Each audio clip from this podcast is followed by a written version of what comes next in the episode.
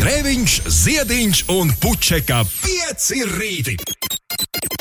Eterā katru dienu starp 6 un 9. Lai teiktu mums visiem, labrīt!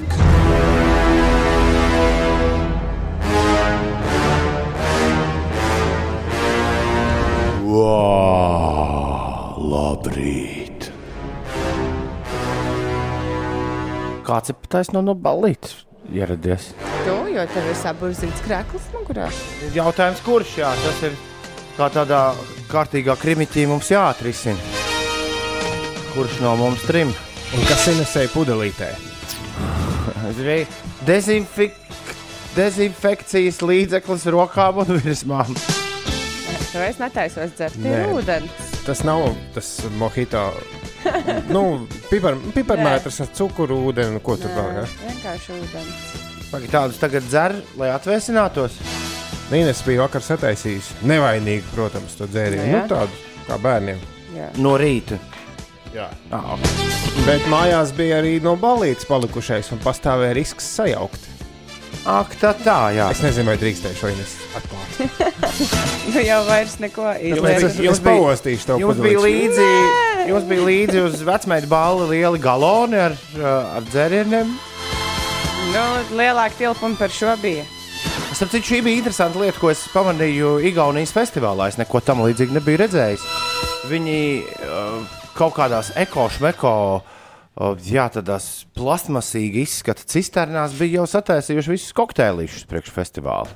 Tātad, uh, respektīvi, festivālā nevis uh, bārmeņi uz vietas jauc. Kas ir Pipar, ilgi? piparmētras, uh, kas tad tur vēl ir šito te uh, tomātu sūlu un nu, vēl visādas lietas. Bet viņiem jau ir sataisīti gatavi tie kokteilīši. un Viņi svaigi un atsvaidzinoši tek iekšā glāzītē pa tieši tādu pašu krānu kā aluteņš vai limonāde. Noteikti var kaut ko ietaupīt šādu. sastāvdaļā. Kaut ko šādu, jā, iepriekš latviešu acis nebija redzējusi. Tā kā pie mums gan jau kara kaut kas tam līdzīgs drīz parādīsies. Margarita un Margarita šodien ir vārdienas, ir otrdien, 13. jūlijas, skan Latvijas radio 5, 5 LV, un Ulas dzirdēja pirms pulksten sešiem par radio dīvainu dziesmu. Jā, man gan bija arī diskusijas ar dziesmas autoru par, par uh, vārdu uh, locīšanu, par ītīties, ināt, ināties, bet nu varbūt tikai izklausījās. Šis bija tas. Kur ir kļūdiņi? Klājās. Klāj. Pagā, pagātnē. Klājas, Klāties. Jā, Jā, jābūt Nav arī klātī- īso. Nav klātīties. Jā.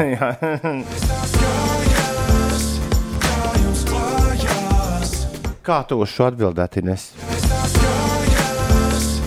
Kā man šorīt klājas? Nē, skaistās kājas, kā jums klājas. Uh, īstenībā šodien diezgan miegaini. A, man, man starp citu, šo ir precīzi atbildi, jo es vakar pa pludmales smiltīm skrienot. Zinu, ka tu uzkāp uz puspēdas, nu, gadās smilts kukurznītis un papēdis netiek pie virsmas. Un tad tā višķi tā kā sastiep. Kaut ko, jā. saitīti. Nu, Bet tikai, tikai pastiepu. Tā ļoti, ļoti nedaudz. Bet nu, šodien jūt. Tas, tā ir mana atbilde uz skaistām Bet kā kājām. vakar bija, es, es šovasar pirmo reizi sapratu, ka tomēr uz pludmali ir jāņem līdzi kaut kādas čībiņas.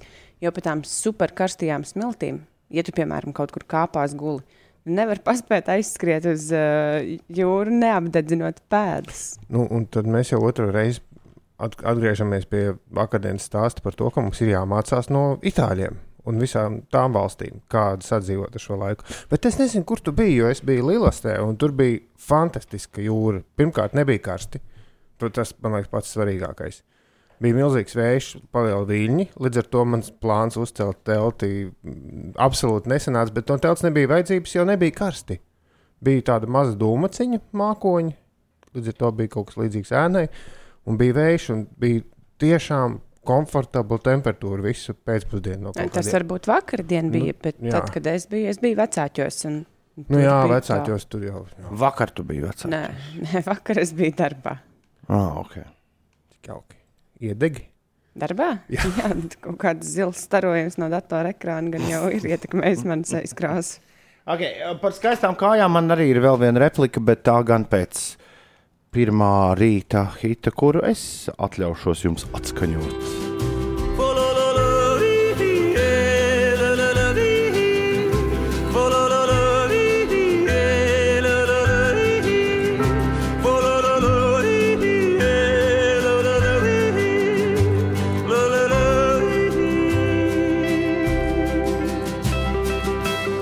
Brīnišķīgs meldiņš, pie kura no rīta izdziedāties līdzi dušā, vai, vai virtuvē, vai automašīnā. Es tikko redzēju, kur kaut kāds čels teica, kā jodelēt ir vienkārši. Dziedi, cik vien augstu var ar kakla balsi, ar vēdera balsi. Un tad padziedi falsetā. Un tad mēģini noķert, kur viņi satiekas. Wow. Viņam labi sanāca. Man. Petunia and the Vipers ar The Cricket Song atklāja 5 rītā šajā rītā. Labrīt, ir 20 minūtes pāri pusdienas sešiem. Ui, baigi daudz pulkstenis rāda. Ines, kas notiek? Lai gan pagājusi mazāk nekā puse vasaras, galvaspilsētas centrā jau piedzīvotas 15 tropiskās naktis, kas ir jauns rekords visas valsts mērogā. Tā liecina Latvijas vidas geoloģijas un meteoroloģijas centra dati. Par tropiskām sinaptiķi dēvē tādas naktis, kurās gaisa temperatūra nenoslīd zem plus 20 grādu atzīmes. Vēl runājot par aizvadīto nakti, naktī uz eh, šodienu ilgstošs pērkona negaisa ainažiem atnesa 54 mm nokrišņu, kas aptuveni atbilst mēneša normai. Un eh, šodien daudz vietā Latvijā īslaicīga līs, vietām gaidāms pērkona negaiss ar ļoti stipru lietu, kas lokāli var izraisīt plūdus un vēja brāzmas, kas var pāraukt vētrā, tāpat iespējama arī krusa. Sinaptiķi prognozē, ka plašākās lietus gāzes veidosies pievakarē. Līdz tam saule gaisu sakarsēs līdz plus 29, plus 34 grādiem. Pārsvarā pūtīs lēns vējš. Galvaspilsētā arī iespējams pērkona negaiss un gaisa temperatūra šeit var sasniegt plus 33 grādu atzīmi. Līdz pat piekdienai visā valstī spēkā Latvijas vidas geoloģijas un meteoroloģijas centra sarkanais brīdinājums par karstumu līdz plus 34 grādiem. Un daudz vietā valstī arī spēkā brīdinājums par augstu ugunsbīstamību mežos. Nākamā nedēļa soli bija zem plus 30. O, cik jauki! Es visu laiku turos, lai neteiktu, ka nu jau pietiks. Jo pēc tam būs žēl. Pienāks rudens ar vējiem un, un lietiem, un tas sēdēs un domās, nē, labāk tomēr bija tā, ka dedzināju visu laiku. Man šķiet, ka katru reizi, kad es šo spēlēju, es vismaz sev prātā pieminu to reizi, kad es šo dziesmu dzirdēju pirmo reizi bezgalībiešu un kaismas dziesmu. Un Tas bija labdarības maratonā, dot pieci kaut kādā 4. vai 5. dienā reizes kādā gadā. Kaspars, tas bija kādā pirmsākumos, jo Kaspars Mauriņš arī bija. Es ļoti labi atceros, kā mēs saskatījāmies šo izdzirdot. Un tajā stāvoklī, kas ir dot pieci kokteļi, jā, maz miegs un viss pārējais, pēkšņi bija tāda sajūta, ka mūsu DJ AG un draugu uh, sariktētā kompozīcija, nu, burtiski kādus metrus trīs paceļ augstāk, uh, jā, virs uh, normāla līmeņa, kur cilvēkiem ir, cilvēkiem ir jāstāv. Un to vienmēr es atceros šo izdzirdot. Sauli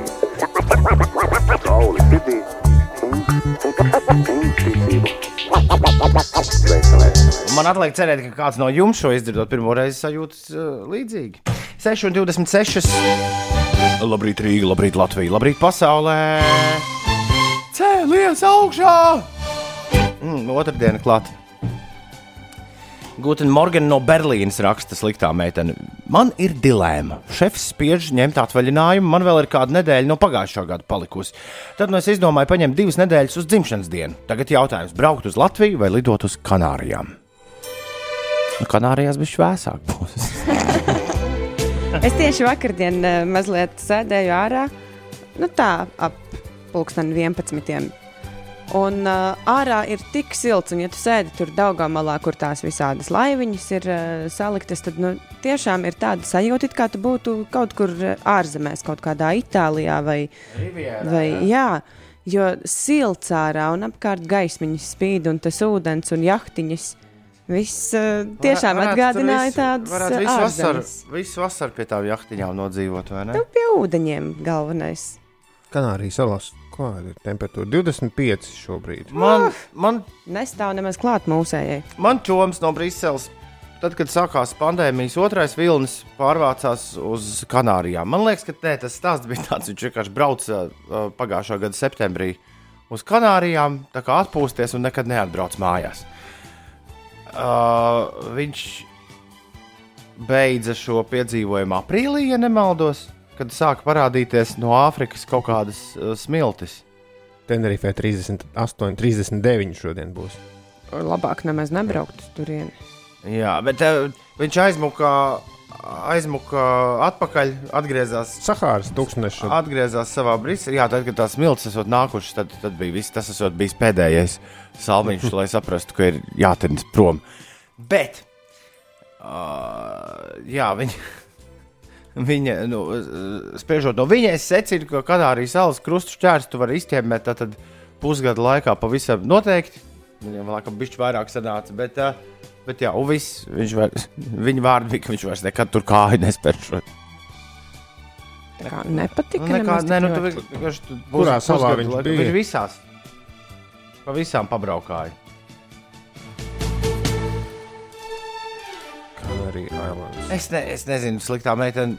Uh, varbūt ir. Uh, Varbūt ir kaut kāda šāda tev līdz Madērai tikt. Ah, bet tas Es būs joprojām- novembrī. Es joprojām sapņoju par, par Madēru, piemēram. Ja no, Kaut pat vienreiz esmu bijis. Neko sliktā meitene atrakstīja, ka tas ir runa ir par novembri. Tad jau nu, gan man liekas, ka. Nu, Saka, jābrauc uz Latviju, lai ekonomiku siltu. Nē, atsūti naudu, vai pasūti mums atkal pīci un, un brauc uz Madeiru vai uz Kanārijas salām. Lai arī man Vai ir diena. Man ir jau skaisti, bet vispār novembris ir tas mēnesis, kad ir tumšs, kad nav vairs to smuko lapu. Un... Jā, Labrīt! Līdz ar sauli ripojam pa latgales ceļiem ar velosipēdiem, raksta Linda. Un tā sajūta, kad es piecēlēs vēl pirms pieciem rītiem, ir ļoti neparasta. Labrīt! Labrīt, mīļie piecīši, esmu augšā un braucu uz darbiņu, lai jums garšīgi un forši un piepildītu otru dienu īzītu dibirī Lakija kongresītā Mija Bang Bang, Bang. Alfreds tā raksta. Šodien jau Toms labāk izklausās, raksta Jenčs. Veiksmīgu dienu! iepriekš bija sliktāk. Labrīt, beidzot vēsie rīti uz ielām. Kur tu māries? Kādu vēsie rīti? Mēs esam laikam divās dažādās pilsētās. Pirmo reizi dzirdēju, kā tiek laistītas Rīgas ielas, lai izdevušies pieci rīti. Paldies, Māri! Labrīt visiem jauki izdevušos dienu no dzelzmēm, truses eh, raksta. Jā, Alfreds raksta, ka- klausītāji. Ka, lai mēs nolasām rīta īziņu, bang, bang, bet mēs to izdarījām, bang, bang, Alfred. Oh, jā. Sliktā tad tas jautājums, ko viņi uzdeva, vai pie mums vēl ir silts novembrī? Nē, pie mums nav silts Jā. novembrī. Šogad gan nezinām, kā būs šogad. Nu, varbūt pēc šādas tropiskas vasaras būs arī novembrī pēkšņi plus 16 un saulīt. Vakar atgriezos mājās.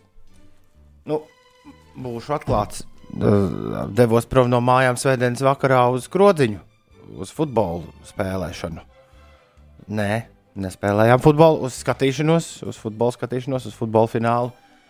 Un, uh, jā, tā gluži nebija, ka krodziņa piedzīvojums bija līdz vakardienas raidījuma sākumam, bet, nu, varētu droši teikt, tuvu tam skatoties pulkstenī, kā tur kā tur stundas mainījās. Nu, jā, bet es atgriezos mājās. Vakar strūns tur par, uh, par, par, par nakti no svētdienas uz pirmdienu. Atgriezos mājās un skatos uz savām kājām un nespēju noticēt. Man uh, kājas ir pārvērtušās, nu, pē, pēdas. Kā sauc to, kas ir uz pēdām virsū? Nu, ir pēda un otrā pusē, kā mēs to saucam. Nu, uh, Nevienam īsti nav Tā ir- nosaukums šai vietai, bet Ines, tu tikko studēji visu Jā, ķermeni. es tāpēc arī, pašus es tāpēc smalkākos skatos kaktiņus. Uz, uh, Ines, lai, man liekas, ka. Nu, Ja plaukstām šitā, šī ir palmārā daļa un tā ir dorsālā daļa, tad varbūt, to, Uzmanīgi. tad Šaubas. varbūt, Vienmēr sakot, es tad varbūt arī pēdām tā Man tā, man, tā tad man, es esmu sastiepis dorsālās, pa- pēdas dorsālās daļas. Palmā, palmā Nē, tā nav palmārā. Šī ir dorsālā. Jā. dorsālā. Nu, tad es vakar pē- pētu savas uh, dorsālās kājas un uh, skatos, ka tās pēc tādiem lieliem, milzīgiem kartupeļiem pārvērtušās. Nevis, uh, nevis atgādina manas kājas, kādas es tās pazīstu. Es braucu grēņu kundzei, klausies, kas traks, kas ar manām kājām notiek. Viņa saka, kā tas no karstuma normāli. Sāka pampt. Es domāju, kas, tad- vai tas tiešām ir normāli. Aizēju Google, palasīs, wow! Tur viss mirst, mirstamā kaita klāt. Tas tur vēns jāiet pārbaudīt, kas, kas tik ne. Pasūdzējos trenerim, saku, klausies, tren, jo šis jau man tur liek virsū atkal kilometrus, šādus kilometrus, tādus. Es saku, klausies, draugs mīļais, kā es galīgi pārvērtušās lielajā karstumā. Un tad treneris man saka, tā, uh, tev vanna ir? Es saku, ir. Ledus ir? Nu, ir ledus. Es esmu tas, kurš vietējā veikalā izpērk visu ledu regulāri. Kāpēc tu pats netaisi? Man nav ledus mašīna.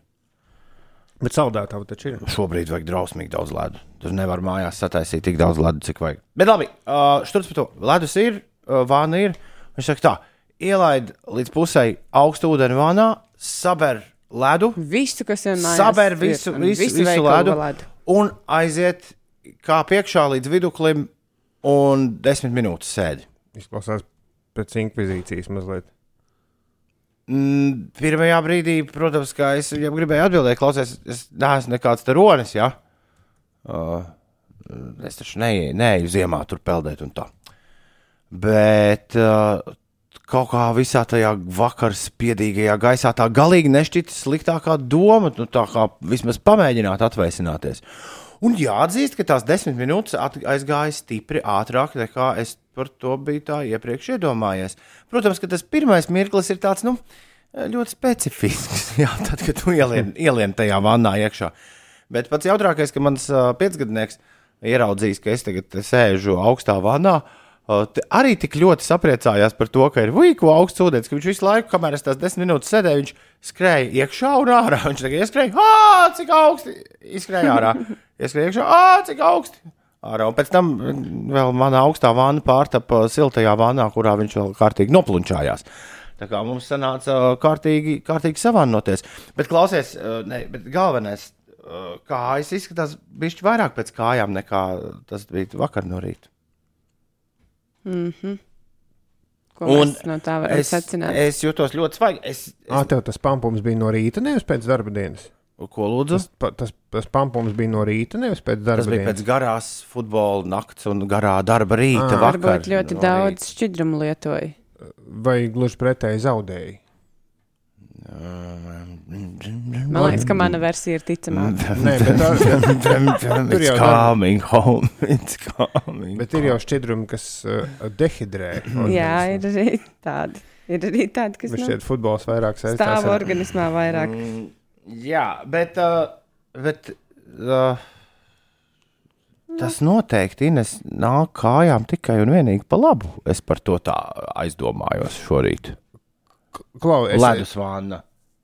Ne tikai kājām, noteikti. Bet, e, vēl viens jautājums, vai tu visu futbola spēli sēdēji? Jā, Nu, tad tas ir, tā ir atslēga. Es tev vienkārši atradu vēl visādus Interneta ārsts. dakteris, jā, interneta doktori. portālā viņa. Vispār, vispār šādu rubriku vajadzētu pastāvīgi. Du, du,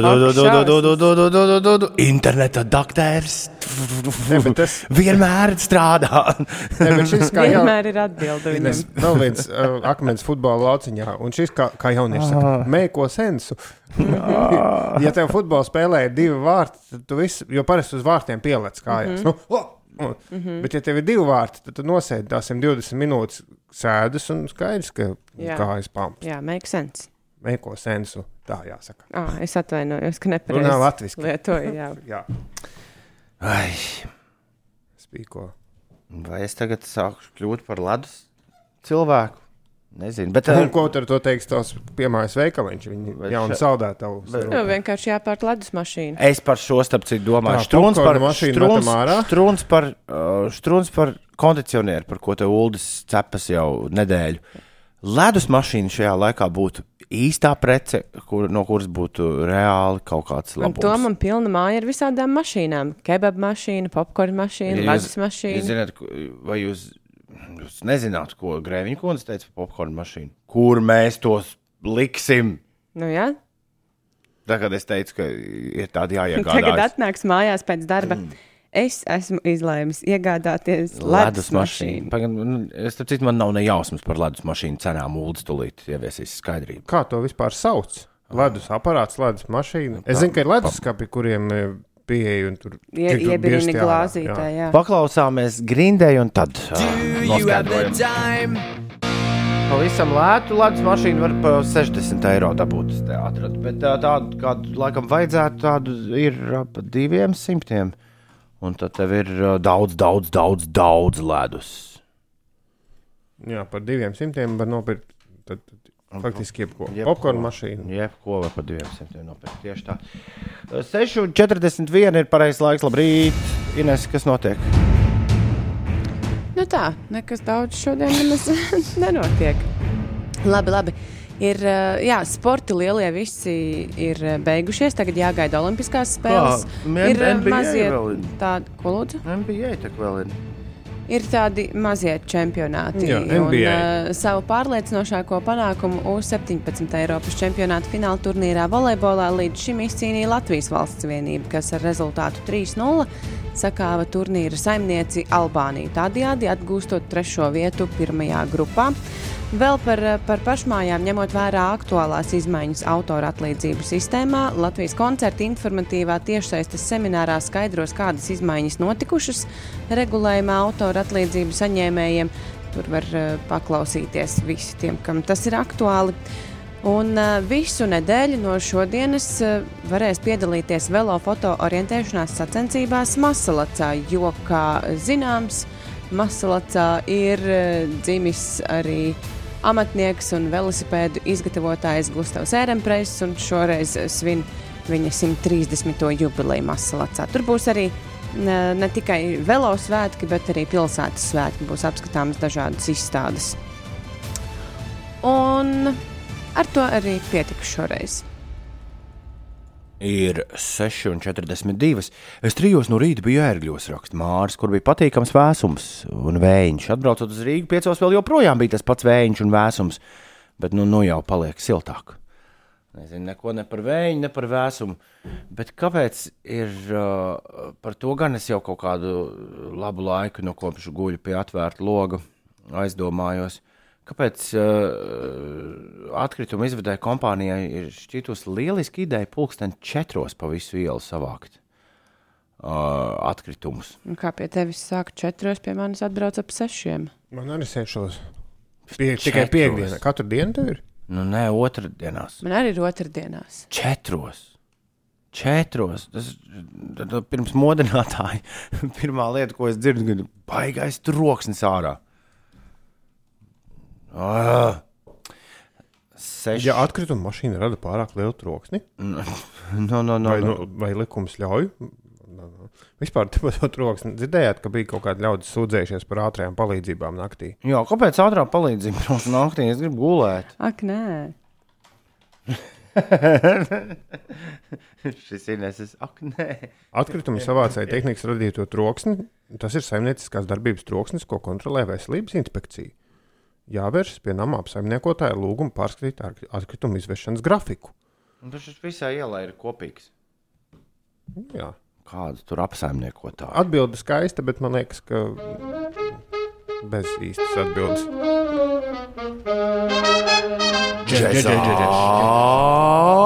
Tikai Meitenes! Džeza. sen nav bijusi šī rubrika. Džezā. Uldis visu laiku uzrunā virsū vārdam džeks. Es, Džeza. es vienkārši esmu uzvilcies. Par maniem atkritumiem un četriem no rīta. Jā, Lūdzu, nēsi. Tā ir mana ziepe. Pa dienu viņiem sarežģītāk izvest, jo daudz vairāk mašīnu rakstēģi. Mārcis raksta, ka naktī viņi brauc tāpēc, ka var mašīnai aplaust spoguļus un aizbraukt nemanot. Tāpēc sāk tik agri. Mēs atvainojamies visiem atkritumu izvedējiem, kurš šī māra īziņa aizskāra. Es reiz satiku atkritumu izvedēju Londonā. Uh, jā, ne, tas viņš nebija mans paziņš, viņš bija, uh, viņš bija maniem līdzbraucējiem paziņš. Binmen! Viņš teica, ka tas ir vislabākais darbs pasaulē. Un viss notiek no vieniem naktī līdz sešiem rītā. To es atceros. Jā. Tā kā naktas dīdžejiem. Jā, vienīgi, un, un darbs vienmēr būs un būs ar vien vairāk. Bet atgriežoties pie džēzes, tev viņa dienu gribēju aizsūtīt, bet tad sapratu, ka Amazon un Netflix telefonā neļauj video saglabāt. Nu, tur nerāda. Jā, Es skatījos seriālu Parks and Recreation, un tur bija lielisks fragments no radiostacijas, nu, vietējās radiostacijas, kurā galvenajai varonei lūdza pieteikt nākamo rubriku. Jazz plus jazz equals jazz. Un tad tāds, tāds vīriņš, tāds ļoti kluss nakts radio balss, tādos pašos mikrofonos, kā mums saka, Our listeners love jazz. Research shows that.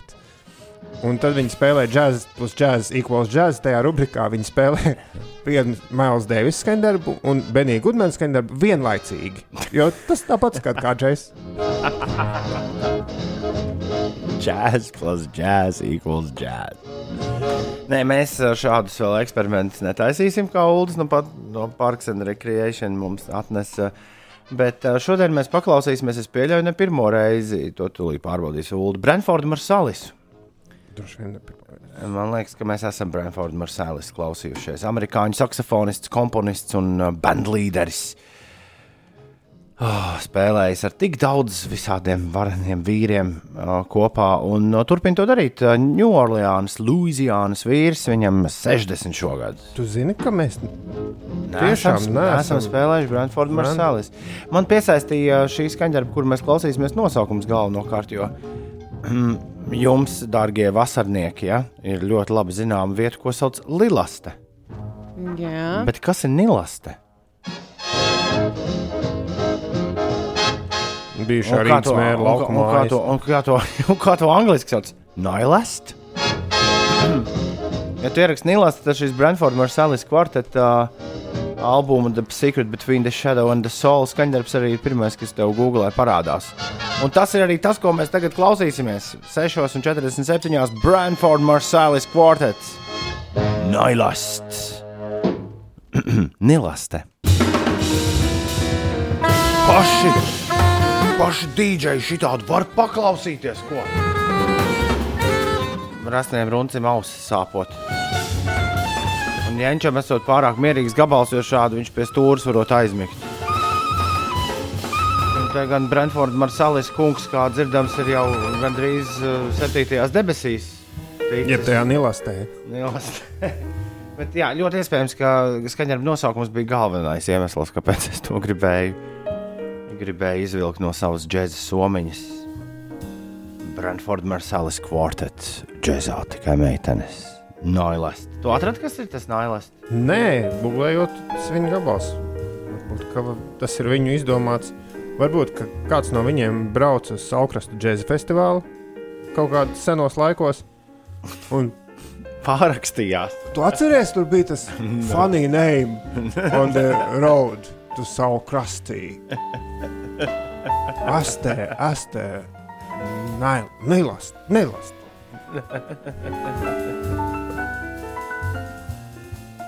Šīs atgādinot mūziku no spēles SimCity. Ko tik jums tas neatgādina? Džēzā tikai meitenes. Kā sauc to vīru, kas, kas lielastē dzīvo? Mr. Slice. Jānis. Nē, nē, Jānis. Mr. Slice. Laika mašīnā.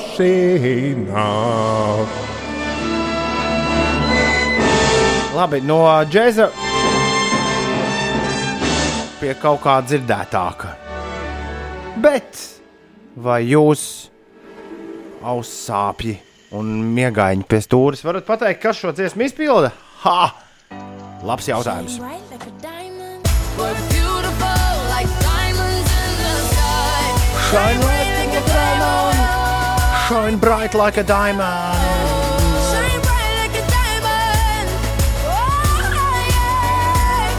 Shine bright like a diamond.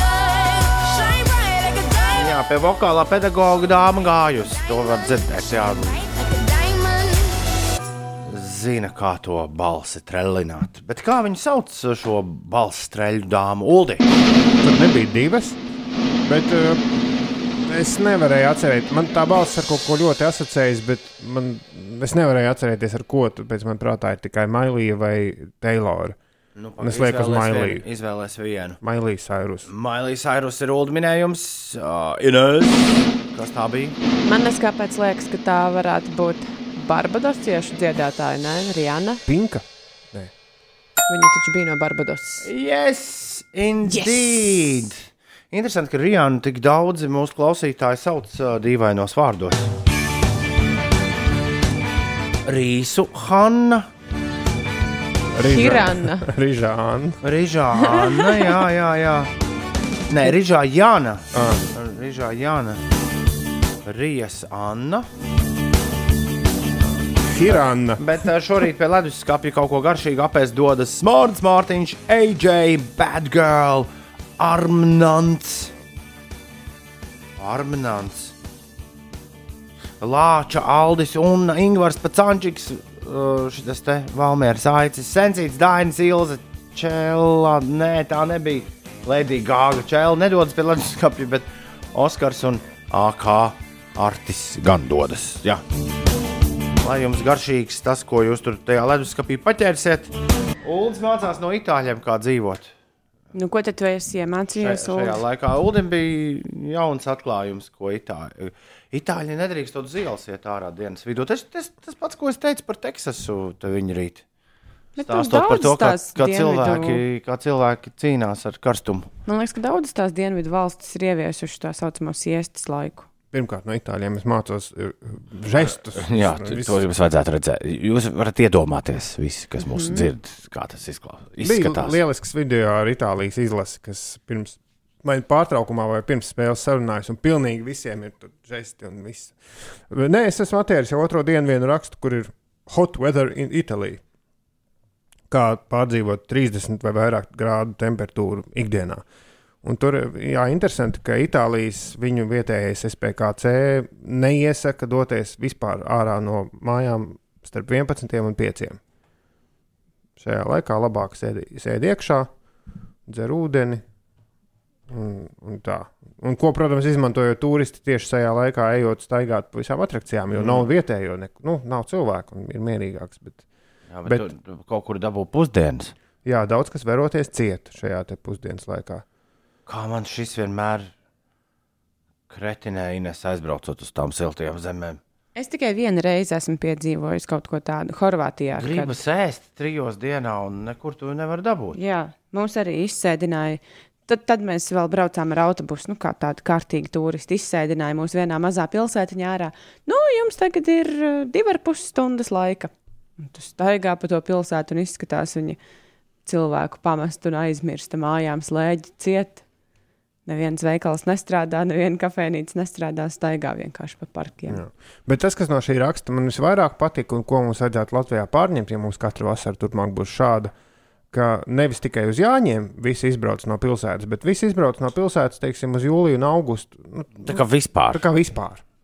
Pilsētā paliek turisti un nu, nu, Jā, daži. vasaras brīvlaiku pilnīgi cilvēki. visiem.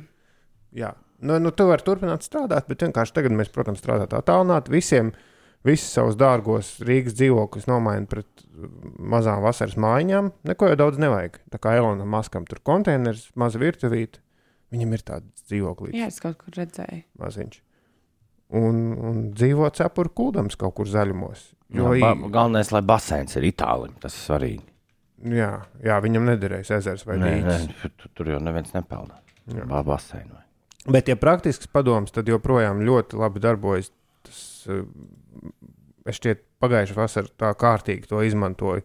Jebkurā laikā, ja tev ir karsti, patur rokas kādu minūti, divas zem augsta ūdens. Ja ir iespēja, tad arī pēdas, jo pēdas vēl vairāk palīdz. Bet, ja Aha. rokas patur, tā sajūta ir ļoti dīvaina. Pirmkārt, rokas ir augstas, un tu, tu jūti tās vēsums uz galvu aiziet. Tā. Nu, tur ir zinātnisks pamatojums, tur asins ir tuvāk kādai un ļoti viegli atvēsināt ķermeni, paturot inestūt aizmigs. Nē, es ļoti uzmanīgi klausījos. Jā, es redzēju, ka tas saka, ka plaukstas zem strūklas. Nu, Viss skaidrs, viss skaidrs. Oi! Tas bija, lai es pamostos. Jā, Kuku! Celies, celies augšā. Beidz gulēt, ir nes.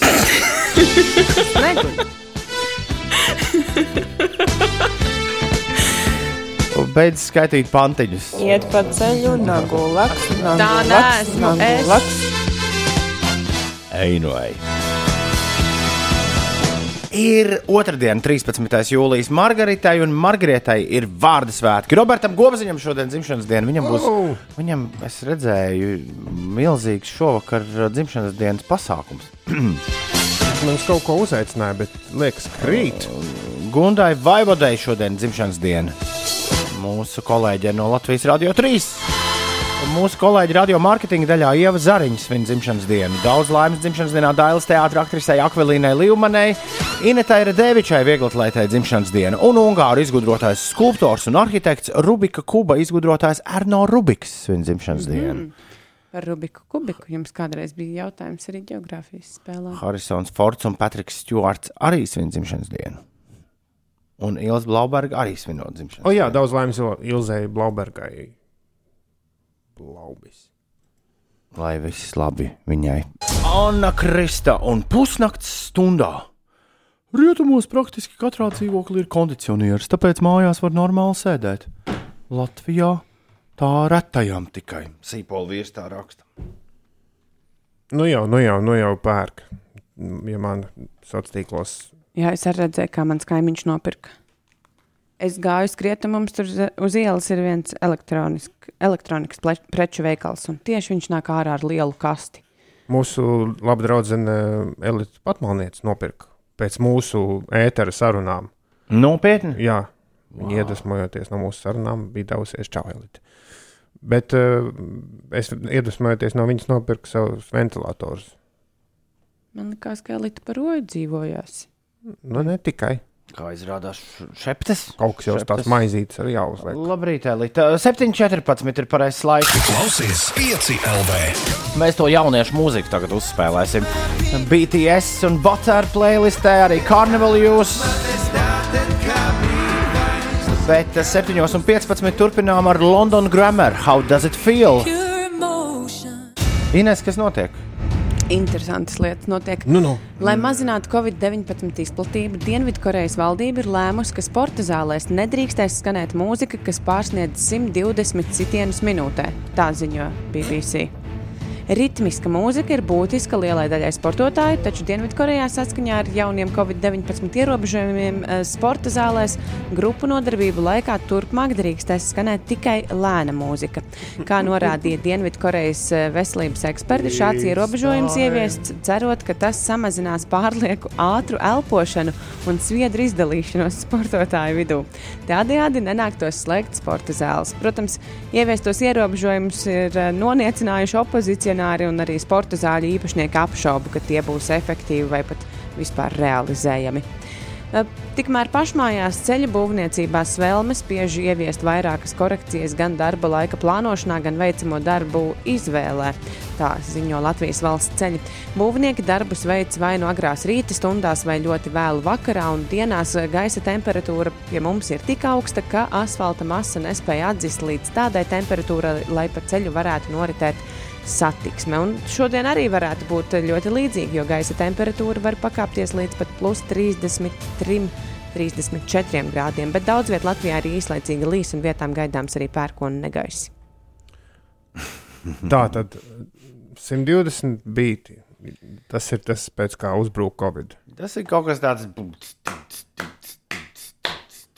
Nē, man ir metronoms, to es precīzi. Rekur, šis būs manuprāt. 121. Šis jau ir bīstami. Šis ir bīstami. jā. Uzliksim 119, tas ir droši. Tagad tu- jau ir uzlikts. Šis ir 119. Šis ir drošs šajā Covid nelīp. Jā, jā. Un uzliek tagad Ne jau 122. Covid 122. nelīp, neizdalās tik Bet- ļoti. bet Sviedri. 122. Šis ir tas jau- 122. Tas jau ir pat raku. Bet, nu, lai būtu droši, tā tad būs. Vajag uzliekt to 120, lai mēs varam noteikt, vai nākamajam Dienvidkorejas hitam ir vēl šāds skanēt sporta zālē vai nē. Man liekas, ka šis ir lēnāks. Jā, šis ir Jā, lēnāks. jā, jā. Ši, pie šīs Šis tā. Šis tad skanēs. Jā. Es atradu mājaslapu, kurā it kā rakstīts, tu vari visām dziesmām uzzināt ritmu, bet tur nav visas dziesmas iekšā. Bet tad, eh, tā mājaslapa man savukārt aizveda uz Jog FM, kādu es nekad nebiju redzējis, Ines, kurā tu ierakstīji uh, savu ātrumu, ar kuru tu skrieni, un tev iedod dziesmas O, pēc tā ātruma. Kā sauc šī vietne? Nu, es gan nezinu, es skatos uz tām dziesmām, un es nezinu, vai es gribētu skriet tieši pie tām dziesmām, kuras man te uz, teiksim, manu ritmu iedeva. Jog FM. Jog FM, jā. Jā, pierakstīšu. Jog FM. Bija kaut kas arī Spotify sataisījis playlists visādiem tempiem.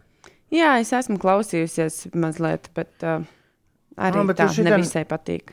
Šeit tu vari, es tā skatos, kas labā ziņa, var bišķi pasēdēt un uztaisīt nu, tieši sev to vajadzīgo, vajadzīgo listi, kādu nu tu vēlies. Jo tiešām dziesmas tiek piedāvātas vārēn daudz, vārēn daudz. Ir uh, 7,28 minūtes. Labrīt. BTS, uh, kur nu pat skanēja ar savu vienu no svaigākajiem grāvējiem, Butter. Starp citu, mums ir atsūtījuši jaunu dziesmu, to sauc Permission to Dance. Bet kaut kā nu, neprasās. Man vismaz šorīt divas BTS pēc kārtas. Jā, Jā, jā, galīgi neprasās. Pat Ulas lielākais grupas fans. Tā teikt, uh, uh, nes- Nekas, gan jau. Uldis mums piedos, ka mēs Mēs, neliksim. mēs, mēs noteikti, pagaidām, mēs vēl noteikti Bet aiz, atcerieties, es esmu šeit viens, bet aiz manis ir armija. Mēs par Mission to Dance dzirdēsim. Pagaidām, mieras. Sūtiet kādu- visi. Visi kādu. tagad īziņas 293. Viņi guļ, viņiem ir skolēni brīvlaiks. Visai armijai. O, mēs labāk Pietiek. ka- Pateikt vienu vārdu. o, Mēs, mēs labāk kalpēr paklausīsimies. Varbūt viena System of a Down arī vajag. Tādā pašā noskaņā. Dumba, dumba, dumba. 7,31. Labrīt! Mieru, tikai mieru. Šeit Latvijas Rādio 5,5 LV, Grēviņš Ziedņš Pučakā, 5 rītī! Nu pat vēra acis un pa nakti kopā ar sapni atnākusi kāda atklāsme. Atsūt, atsūta to atklāsmi mums 293, 202, 293, 202, 202. Labrīt, otrdienā! Chop Suey, System of a Down! Piecēlā vētrā. Ines šorīt eksperimentē. eksperimentē ar savu ķermeni. Es teiktu, tu nekad iepriekš neesi neko tādu darījusi. Kāpēc tev pēkšņi ienāca prātā doma iešaut trīs espreso šotus iekšā savā kafijas krūzē? ka Man ļoti gribējās kafiju, jo Uldis ienāca studijā jau ar savu kafijas krūzīti, un te viss aizsmeržoja pēc kafijas. Un es domāju, mmm, cik ļoti man arī gribētos kafiju. Tāpēc ziņu laikā es noskrēju lejā līdz kafejnīcai un uh, gribēju paņemt kafiju ar pienu. Tu tikko runāji tādā tempā, kā runā. Zini, ka zūmā sapulcē aizķers internets, un tad tas apgājas savāks. Nu, tad ļoti, ļoti ātri. Un tad tikko bija tāds pats efekts, tu arī ļoti ātri to teici. Nebija gan tā. Uh, jā, un es paņēmu, tur ir instrukcija rakstīta, lai uztaisītu baltu kafiju, ir vajadzīgas divi espreso, un tad jāpiespiež podziņa piena putas. Un es piespiedu pogu divi espreso un skatos uz to piena rubiņu, kas savieno to piena paku ar automātu. Liekas, ka tur karstums arī nav nācis par labu, un es negribēju sabojāt kafiju, tāpēc es Piena vietā piespiedi. vēl vienu espreso. nu, lai vairāk sanāk. Nu, jā, jā, jā, jā. F- Loģiski. Nu, kādas ir sajūtas šobrīd? Uh, ļoti interesantas. Iesaku pamēģināt. Es, es nu pat vaicāju Uldim, vai viņš arī mēdzot domāt vairākas lietas vienlaicīgi.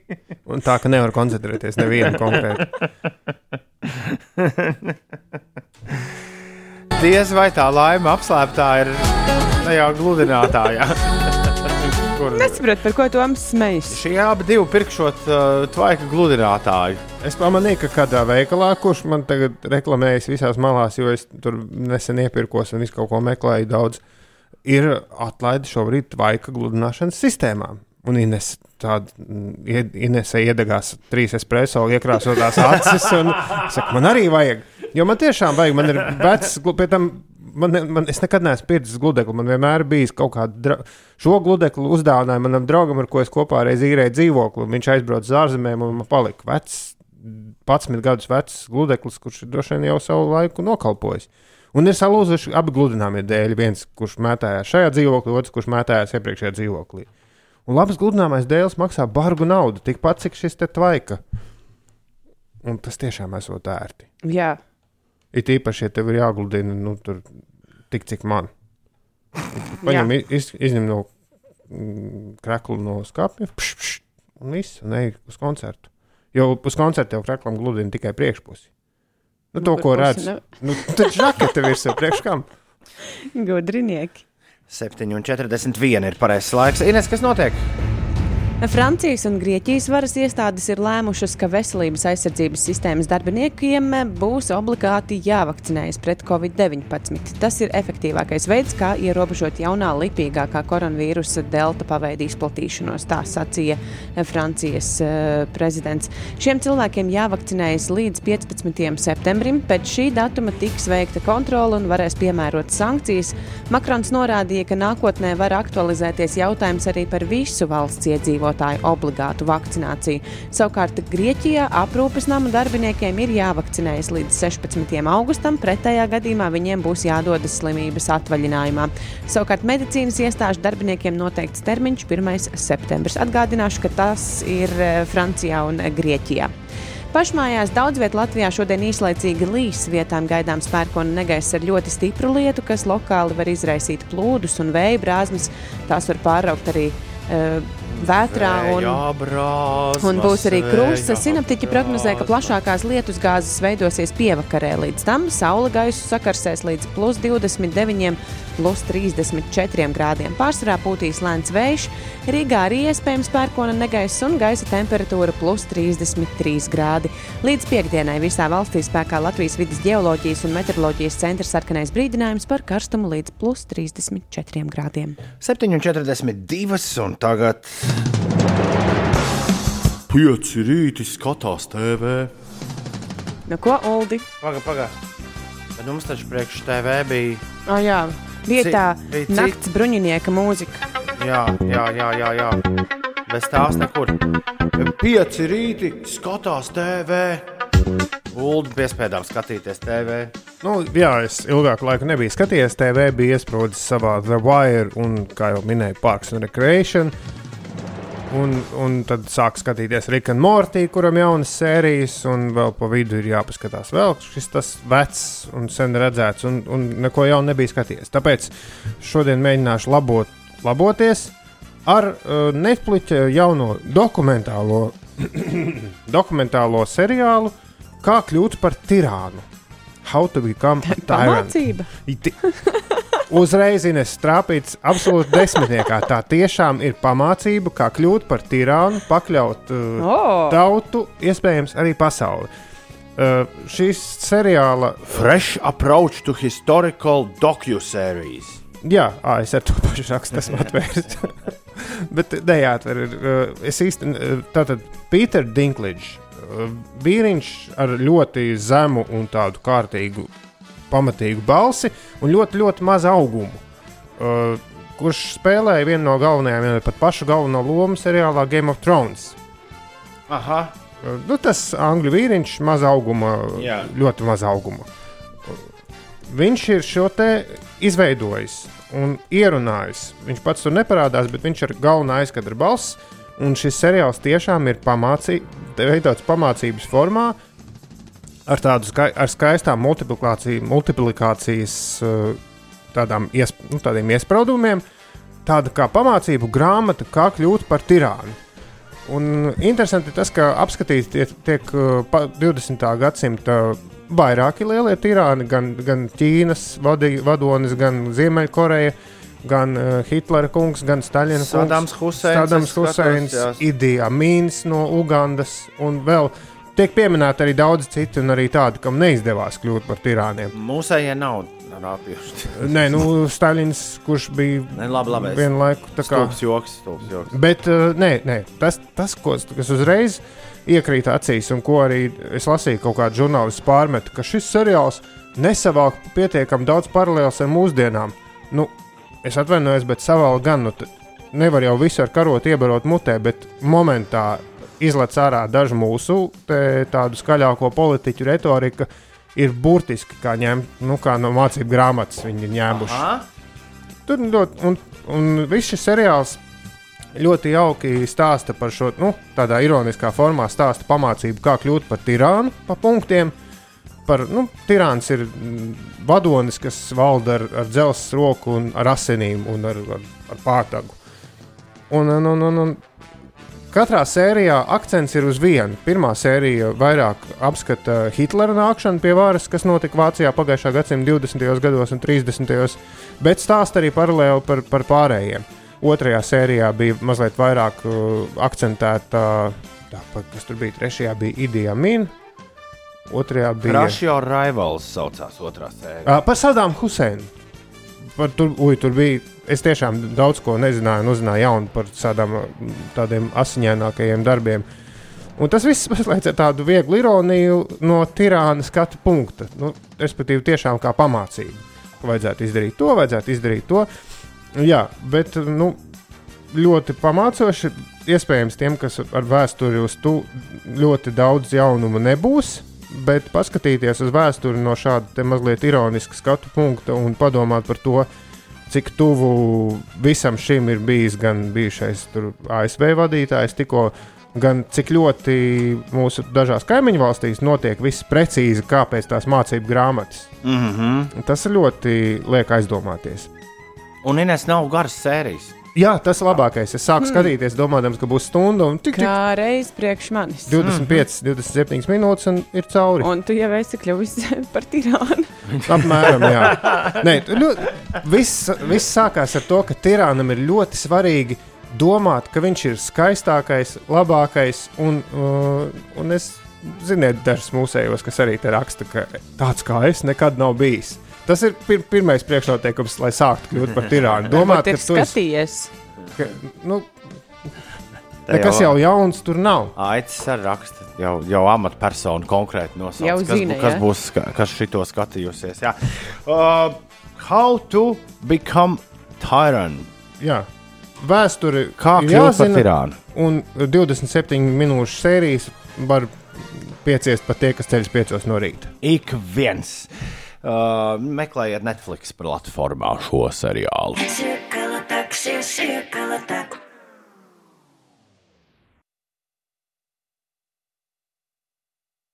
Yeah! Who? Labrīt, DJ! Labrīt! Labrīt! Kuram siekau tek pa? Ah, Tu vēl par mani smējies. Tu, Bet, Bet, eh, tu pielipini. Es nē, Tu- tu tu, tu pie- atradi vienkārši ļoti ērtu veidu, kā atlaisties. Šis sen nebija darīts. Šis sen nebija darīts. Bet šādi gadās. šā tad Šī gadās. ērtā palodze. Oh. Uh, labrīt, es no rīta esmu kaut kādus 3 cm garāks, jeb staltāks, raksta Siguldas Edgars. To es redzu pēc autospoguļiem, kas ir jāregulē atšķirīgi no rīta un vakarā. Jā, nu vakarā tev viss darba smagums sagūlis uz pleciem un tādu sakņu pušu muguriņu. Oh. Iesēdies mašīnā un pēdējiem spēkiem aizbrauc mājās. Nē, tu guli, un tad mugurkauls izstiepies, un tad tu piecelies tāds stauts. Jā, tie Edgars. starpskriemeļu diski tad atjauno savu biezumiņu un pa dienu staigājoties aplok. Cilvēkam vispār būtu labāk visu laiku gulēt, vai ne? Jā, Tu, tu kā fizioterapeits. es neesmu fizioterapeits. nu, nē, bet profesionāls sporta treneris vai kas. Arī negluži. Ej, Klau, Toms ir atrakstījis SMS. O, Viņš raksta īsi un konkrēti. Saula sirdī, saula sejā, saula līdzi visā ikdienas ceļā. Saula silta, saula žāvē, saula beigās izcep, baudām sauli prātīgi, fēnu dienu draugi. Tā Toms rakstā. Un Bilija Ailiša dzied. Miega dziesmēlēs. Uzmanīgi ar šīm. Nē, nav tik traki. Šis ir jaunais Bilijas Ailišas gabals. NDA. Bilijas Ailišas jaunā plate tuvojas. Vesels albums ar Bilijas Ailišas jaunām dziesmām. Būs varēs uz Lilas ulu braukt turp un apakaļ un, un klausīties. Šis bija NDA. Ailišas jaunākais singls. Atcaucoties uz tūmu, šodien saule būs in your face diezgan burtiski, kā jau katru dienu pēdējā laikā. Tā bija jau Kristaps raksta, tā viņš izsacinājis. Un, un pareizi jau arī ir izsacinājis. Ja arī tu esi kaut ko izsacinājis vai izsacinājusi, padod mums ziņu. 2931, 202, 293, 202, tālruņa numurs nav mainījies šeit. Vienmēr kāds tas ir, tāds tas ir.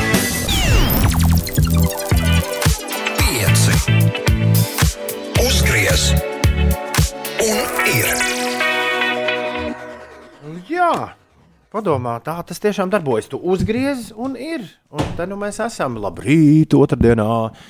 Otradien, 13. jūlijas.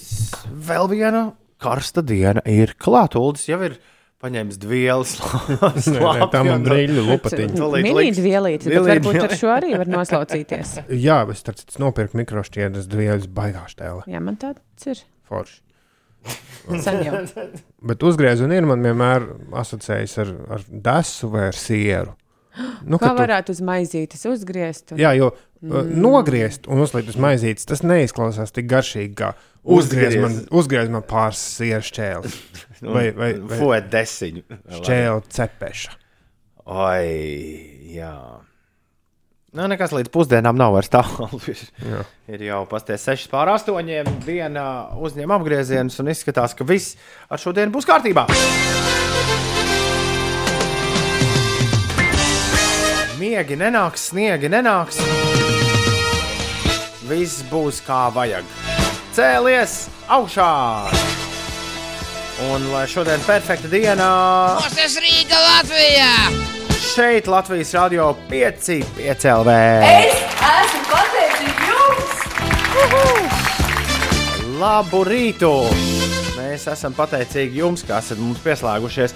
Esam pateicīgi arī eh, faktam, ka šodien vārdu svētkus svin Margarita un Margarita. Eh, Robertam Gobziņam dzimšanas diena, Gundai Vaibodai no Latvijas Radio 3, tā teikt, eh, klasikas turētājai. Daudz laimes dzimšanas dienā. Mūsu kolēģei no radio mārketinga daļas Ievai Zariņai arī dzimšanas diena. Un dzimšanas dienas svin arī Dāvidas teātris aktrise Akvelīna Līmane, vieglatlēte Ineta Radeviča, Rubika kubika izgudrotājs Erno Rubiks un amerikāņu aktieris un producents Indiana Jones un uh, Star Wars uh, Hans Solo, Harrisons Fords. Daudz laimes viņam. Kas ir Patriks Stjorts? Patriks Stjorts ir leģendārs britu aktieris, kurš bija, ja nemaldos, viņš bija Star Trekā ļoti slavens. Viņš bija. Jā, bija gan. Kur vēl viņš bija? X-Men? X-menos, X-menos, man jā. viņš bija X-menos. Profesors Šārls Xaviers. Jej. Trenerim Pēterim tagad klausoties, Ines, uh, tevi ir sagribējies espreso reiz trīs. Jā, un vēl mums Tas labs atrakstīs. efekts ir. Jā. Jā, Var iebūt? Izskatās, jā. Un vēl mums atrakstīs antivakseris Alnis, kurš ziņa. Viņš raksta, ka viss ir muļķības. Viss ir muļķības. Viss. Pilnīgi viss. 8 minūtes pār 8. Tu ilzēs, mēs apsveiktu dzimšanas dienu. Ah, Ilza Blauberga. Daudz laimes dzimšanas Ildi. dienā. Es nevis aizmirsu, bet es atstāju saldējumu ēdienam. Rekords Patrišs jaunais singls. Labrīt! Tas ir par labs jautājums, kur ir Rolanda Čē jaunā dziesma. Ah, re, kur viņi ir? Uh, ja tu paliksi pie radioaparāta, tad uh, es tev viņu uzspēlēšu pēc pavisam maz mirkļa. Nā, es ceru, ka mēs drīkstam viņu spēlēt. Tā būs. Uh, kas ir Ulu? Runā mikrofonu. Tā būs, mūsu, tā, tā būs mūsu dziesmu svētku rubrika. Ja? Tā būs dziesmu svētku dziesma. Mūsu dziesmu svētku rubrikā mēs varam uh, jā, nospēlēt Rolandu Čē jau no gabala. Vismaz nu, datorā tas stāv. Bet vispār par dziesmu svētkiem mums ir jāparunā tiešām nopietni, jo es redzēju kādu tvītu, kurā smējas. Ha, vai pamanījāt, ka dziesmu svētki jau nedēļu kā sākušies? Vispār vakar. Nav nedēļa, jā, vakar Mēs, sākās. mēs runāsim ā, pagaid par dziesmu svētkiem pēc maza, maza mirklīša. Nesteig, kolēģi, lūdzu, nesteigsimies tēmām pa priekšu. Pieci. Radio, kas klausās? Olivijas Rodrigo, good for you, visai drīz skanēs. Un būs arī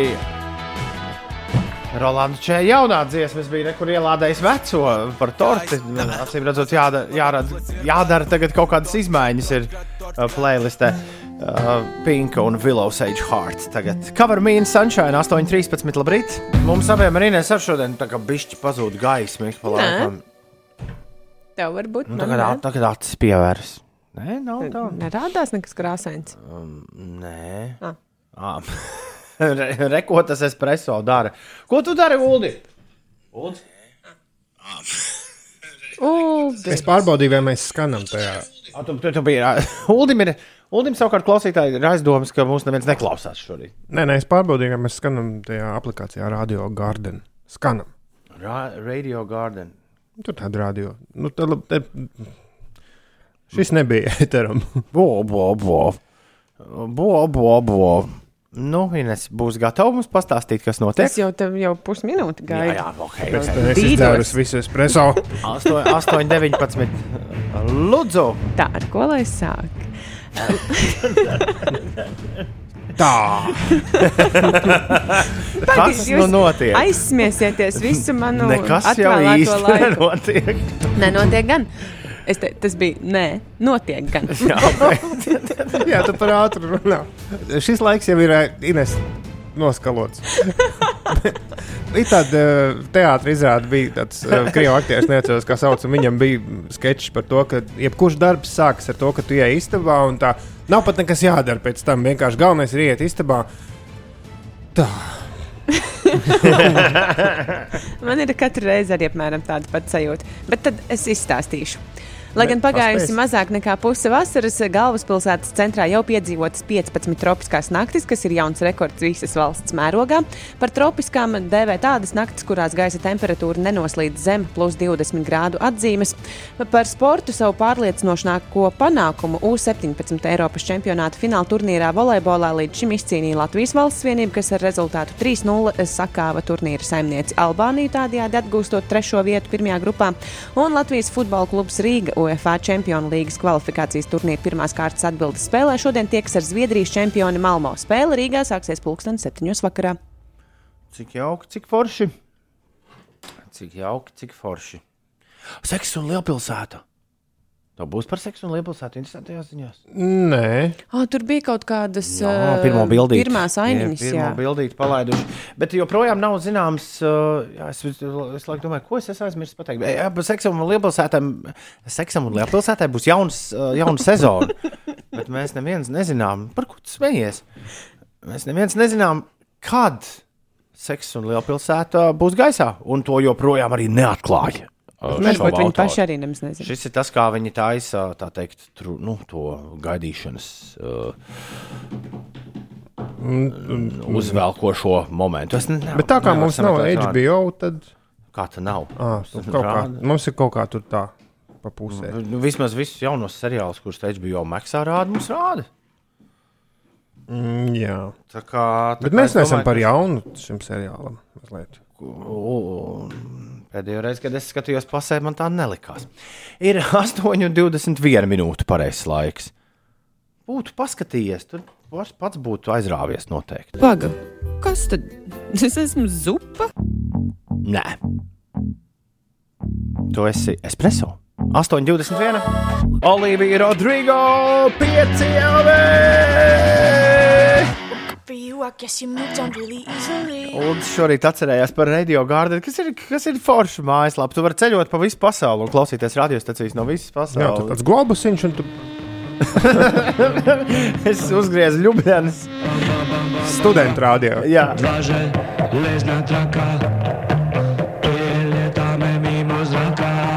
Ļoti interesants efekts. Mūzikai. kopā ar tiem espreso. Jā. Jā. Lieliski. lieliski.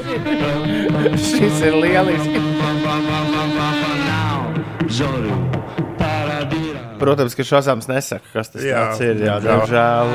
Tāpēc, tāpēc izbaudīsim šīs, ļub, šīs ļubļas skaņas. Mēs dzirdam pirmo un pēdējo reizi dzīvē.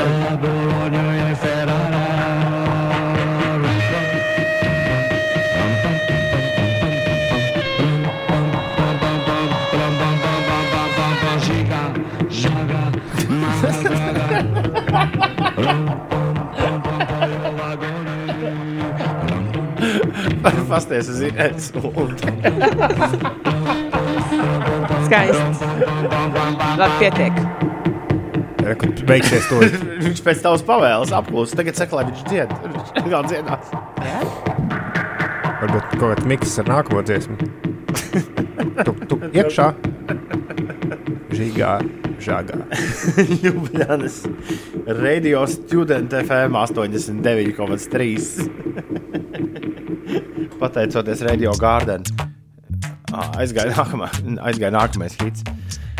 Ielauzies mūsu ēterā. Labi, šim es spiežu stop, un tagad play ir jāspiež Rolanda Čejaunajai dziesmai. To sauc Marko Polo, un tā skan šādi. Taisa Marko Polo, Rolands Čē. Ugunīgi, Ines, ne? Mm, jā, Nu, nu. Ir spēcīgi taču. Labāk nekā tas žīgā, žāgā. nu, Jēkabs saka, ka nevar īsti saprast. Labi, jā, kāp te paklausies vēlreiz. Jej, jej, jej, jej, jej, jej, jej. Rolands Čē un Marko Polo ir ieradies.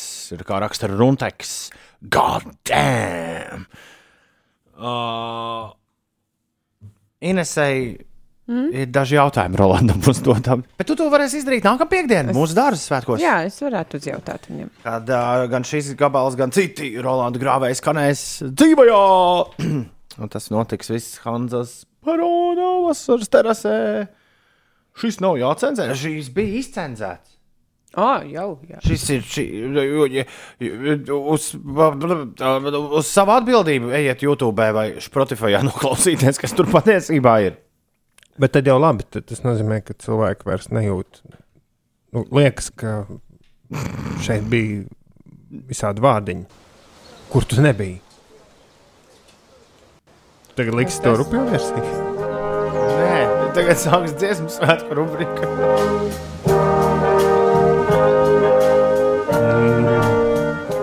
Nezinu, tā, kādā tā. Tiešām.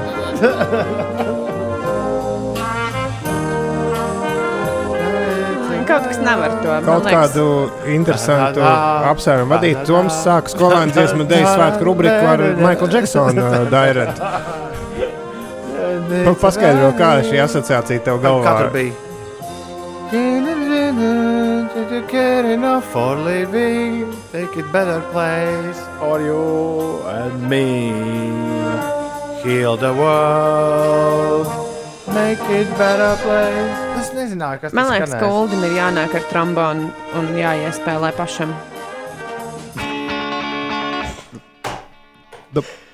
Eh, Jā, bet uh, skolēnu dziesmu un dēļu svētki ir sākušies, ar ko arī jūs visus apsveicam. Jā, es vēl joprojām mēģinu noskalot šo. Tā bija tā rubrika. Tas bija viss, kas bija sakāms. Tas kaut kā jātiek projām no Maikla. Ah. Jā, dziesmu svētki ir sākušies 12. jūlijā ar pirmo norisi Saules vija. Sākušies nevis kaut kur Rīgā, mm, ar lielu gājienu, bet pašvaldībās.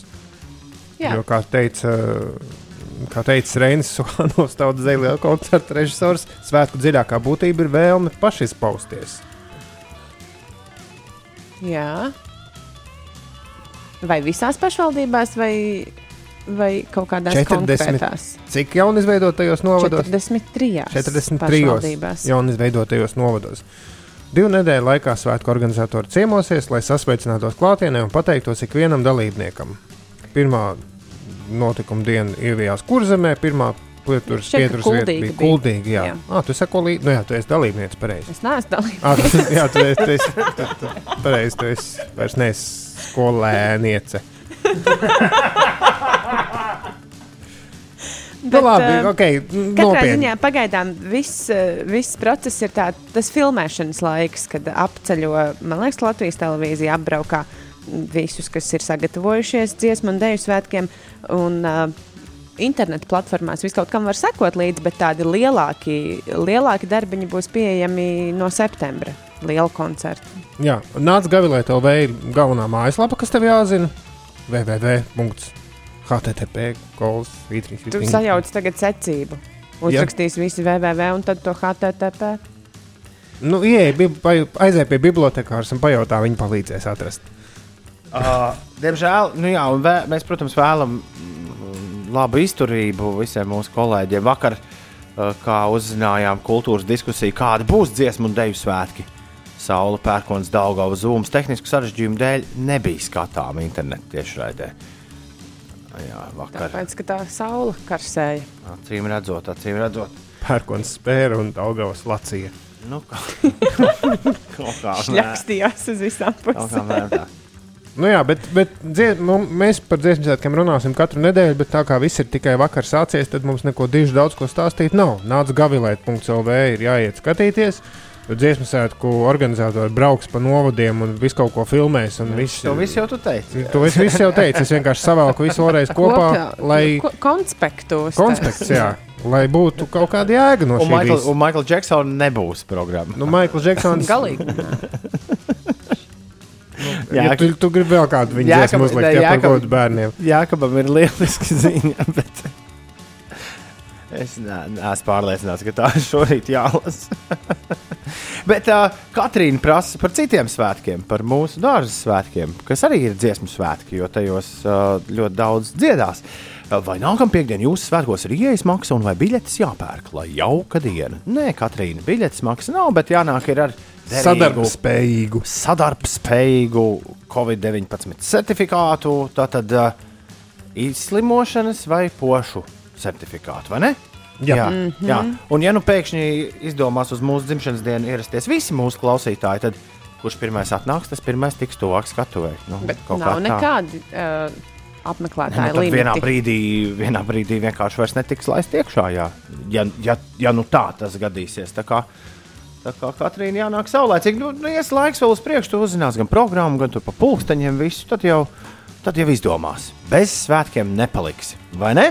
Gluži kā visi dziesmu un dēļu svētku dalībnieki.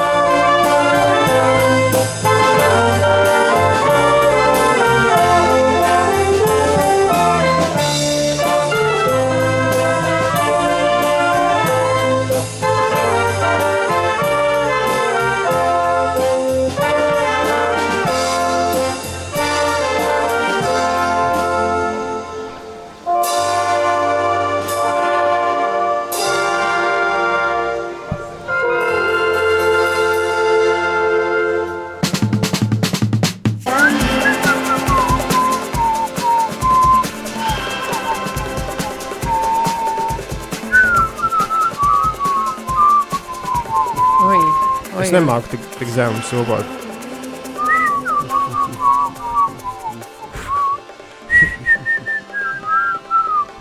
Nevar telpās svilpot. Kāpēc nevar Uz svilpot? skatuves Tā teātrī nevar sūkot. Nu, Kur tā var svilpot? Nevar, nevar, nevar, nevar. tikai nevar. Ārā nevar, viens nevar. pats. Bet tad dzeguzi kaut ko tur darīšot. Nē, Ko cekus darīs? nezinu, kaut Dzēguzi dzeguzi. Atlidos pie tevis. Vēl, Izjauks frizūru. solā. Kaut ko dzeguzi darīt. Rudenī vēlu, vēlu. Jābūt ir naudai, kā tā ir dzeguzi kūko, bet man liekas, ka svilpošana ir bijusi. Ir tikai oda saistīta ar dzeguzi. Par odiem tu zini, ja? Ko par rodiem? nu, kā oda saistīta ar dzeguzi. Nē, Nu, odu uz jāņem, ņem asins analīzes un nes deguzē, lai viņi zinātu, cik gadus tev kūkot. Tā ir anekdote, veca. šo es nezināju. oh, oh, bet, ja es biju, es biju Polijā, kur nebija oda, un tad manas asins analīzes nav aiznestas, kā lai es zinu. Jā, tā tagad. tur būs viss aizgājis, aizgājis greizi un šķērsuļi. Vienkārši šogad neticis deguzē. 8,44. Ines, kas notiek? Kā tur bija, cik tos kūkojienus saskaiti tik ilgi Ne, dzīvoja? neizvairies no atbildības. Labi, labi. Stāsti, kas notiek. Mazliet sastrēguma Rīgas ielās eh, notiek krust viens tikai. Krustpils ielā ir jārēķinās ar aptuveni 11 minūšu kavēšanos. Tas ir posmā no Rencēna ielas līdz Granīta ielai. Kalnciema ielā ir eh, aptuveni 7 minūšu aizkavēšanās. Vienības gatavē jārēķinās ar 6 minūtēm, un Kalpaka bulvārī tepat centrā ir apmēram 5 minūšu aizkavēšanās. Citās ierastajās sastrēguma vietās ir 3 līdz 4 minūtes jāpierēķina. Aizrīt. Tas bija tarkšķis. Un uh, kroksils balošs pagrieziens tur ir desmit minūtes jāpierēķina klāt ceļam. Pēdējo nedēļu karstuma vilnis Ziemeļamerikā un arī Eiropā, kas prasīs simtiem cilvēku dzīvību, var būt vienīgais šāds gadījums tūkstošu gadu laikā. Taču, ja cilvēki vairāk nedomās par savām darbībām, šādus ekstrēmu karstuma viļņus varēsim novērot arvien biežāk. Par to ir pārliecināti vairāki desmiti klimata pētnieku, pēc kuru domām cilvēku izraisītās darbības klimata sakaršanu ir pātrinājušas 150 reižu. Un, uh, Jā, nu par to apliecinājums ir arī šīs dienas gaisa temperatūra. Galvaspilsētā plus 33 grādi un līdz piekdienai sola plus 34. Jā. Rekur vecmāmiņa. Zvēru dārzs jūs. Vecmāmiņa, vecmāmiņa ir atnākusi. Arī, jā, jau Nu, lik, ko ja tai liekas, ka vēl nevar. Vecmā, Ja, vecmāmiņa, ja, ja dzegus nepietiek, vecmāmiņa. Kāpēc olīts muļķojas šorīt, ko? Kāpēc neļauj ienesītāji ziņas lasīt, pasak es nemuļķojos, tad bija dzegus. Bet, Jā, ja mums pie, bija studijā ielidojis, nebija redzēts iepriekš pilsētā. Jūsu lodziņš ciet. tas bija no Latvijas radio 2, tur spēlēja tu dziesmu par dzeguzīti. Nē. Kāda ir tā dziesma? Tas skaita un... Nu, labi, es iešu prom. Bet-. Jā, tā. Jā, lai vecmāmiņa nedzird, cik gadu vēl. Jā, vecmāmiņa bīstam dzegus klausīties. Uh, bet nē, pilnīgi nopietni, Ines, tu teici par to karsto laiku. Um, ja tev pieder Rīgas centrā vai jebkuras pilsētas centrā veikaliņš vai kioskiņš, vai, jā, piemēram, mēs jau nezinām, kas tev tur pieder. Vajag nolieciet bļodiņu, kur suņiem padzerties. O, jā, tas būtu tik mīļi. Cilvēki jāplāno. Ne, nu, ir labi, suņu saimnieki ņem visu līdzi, bet vienalga pa centru ejot, sunim bieži slapst. Suņam, suņam gribas ēst, nē, dzert. Patirties. Suņam gribas padzerties. 8,46 minūtes. Man gribas nosnausties. Atkal divas dziesmas ir. Es varētu atkal mēģināt. Mūr, ķiršu koki Latvijas Rādio 5,5 LV. 8,47. Labrīt! Lindu uz darbu mēs esam aizved, aizvedinājuši. Un sveiciens tos, kurus mēs no gultas esam arī kājās piecēluši. Ātri fiks kaut kas jāpadara, jo pēc ULDA šodien teiktā 11. jābeidz viss darīt. Jā, 11. met visam mieru. Esam mieru, un tad atsākam strādāt piecos. Jā.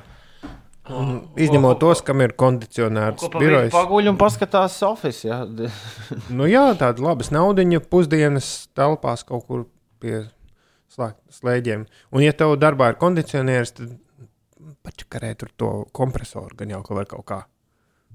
Nu, vai, vai salūza kondicionieris? Nu, šonadēļ, tad, šonadēļ tad no mājām. Jā, viss.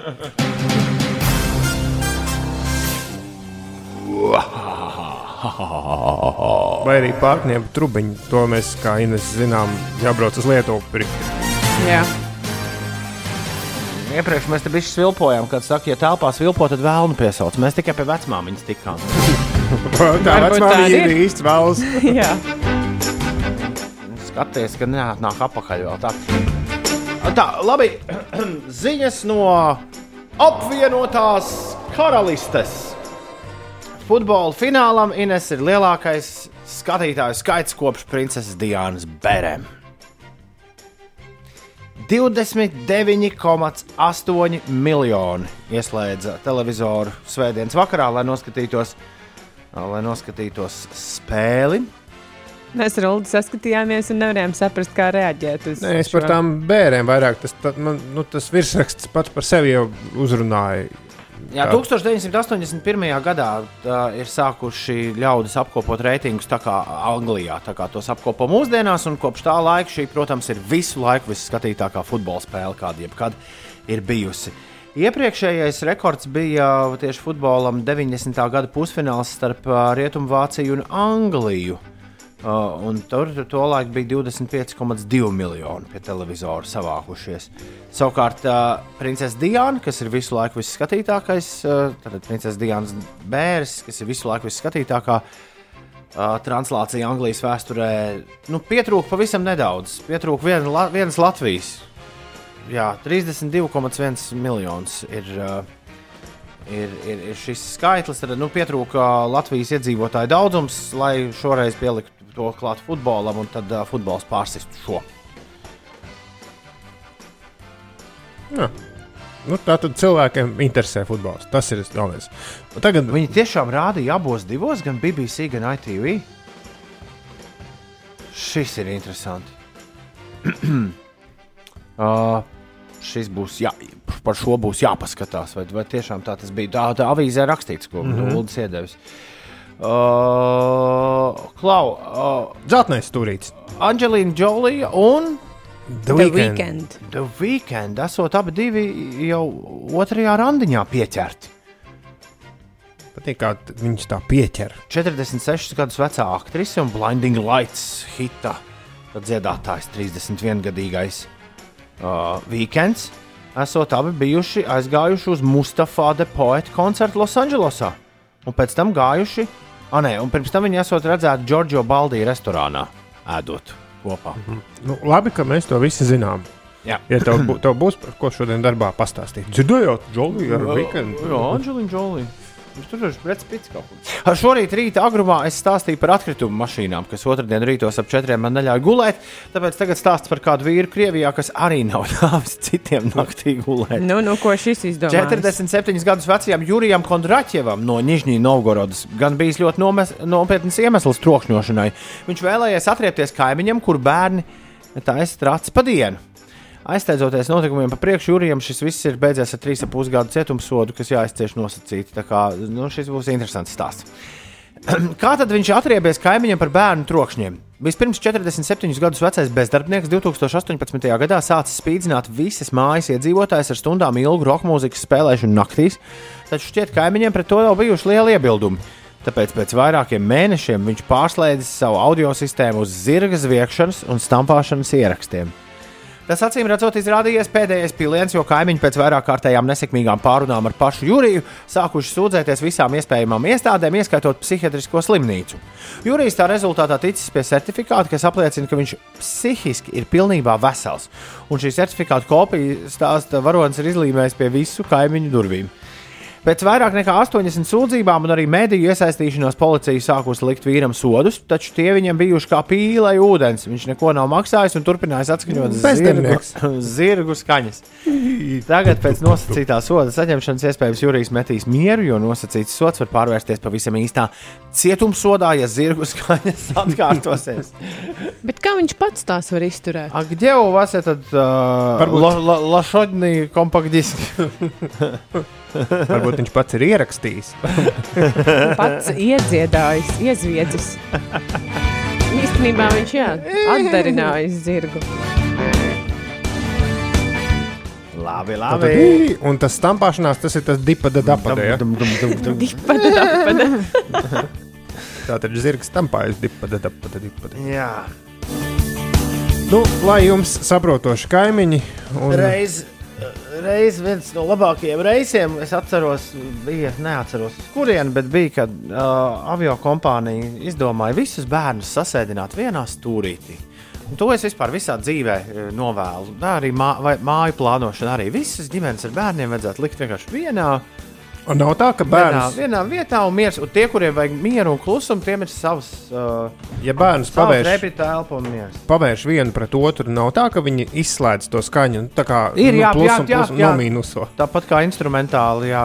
Nu, austiņas, kas bloķē skaņu. Jā, jā, jā, jā, jā, jā precīzi. Viss cauri. Šis bija rādījums 5 rīt. Rīt būsim atpakaļ. Visu labu! Atā!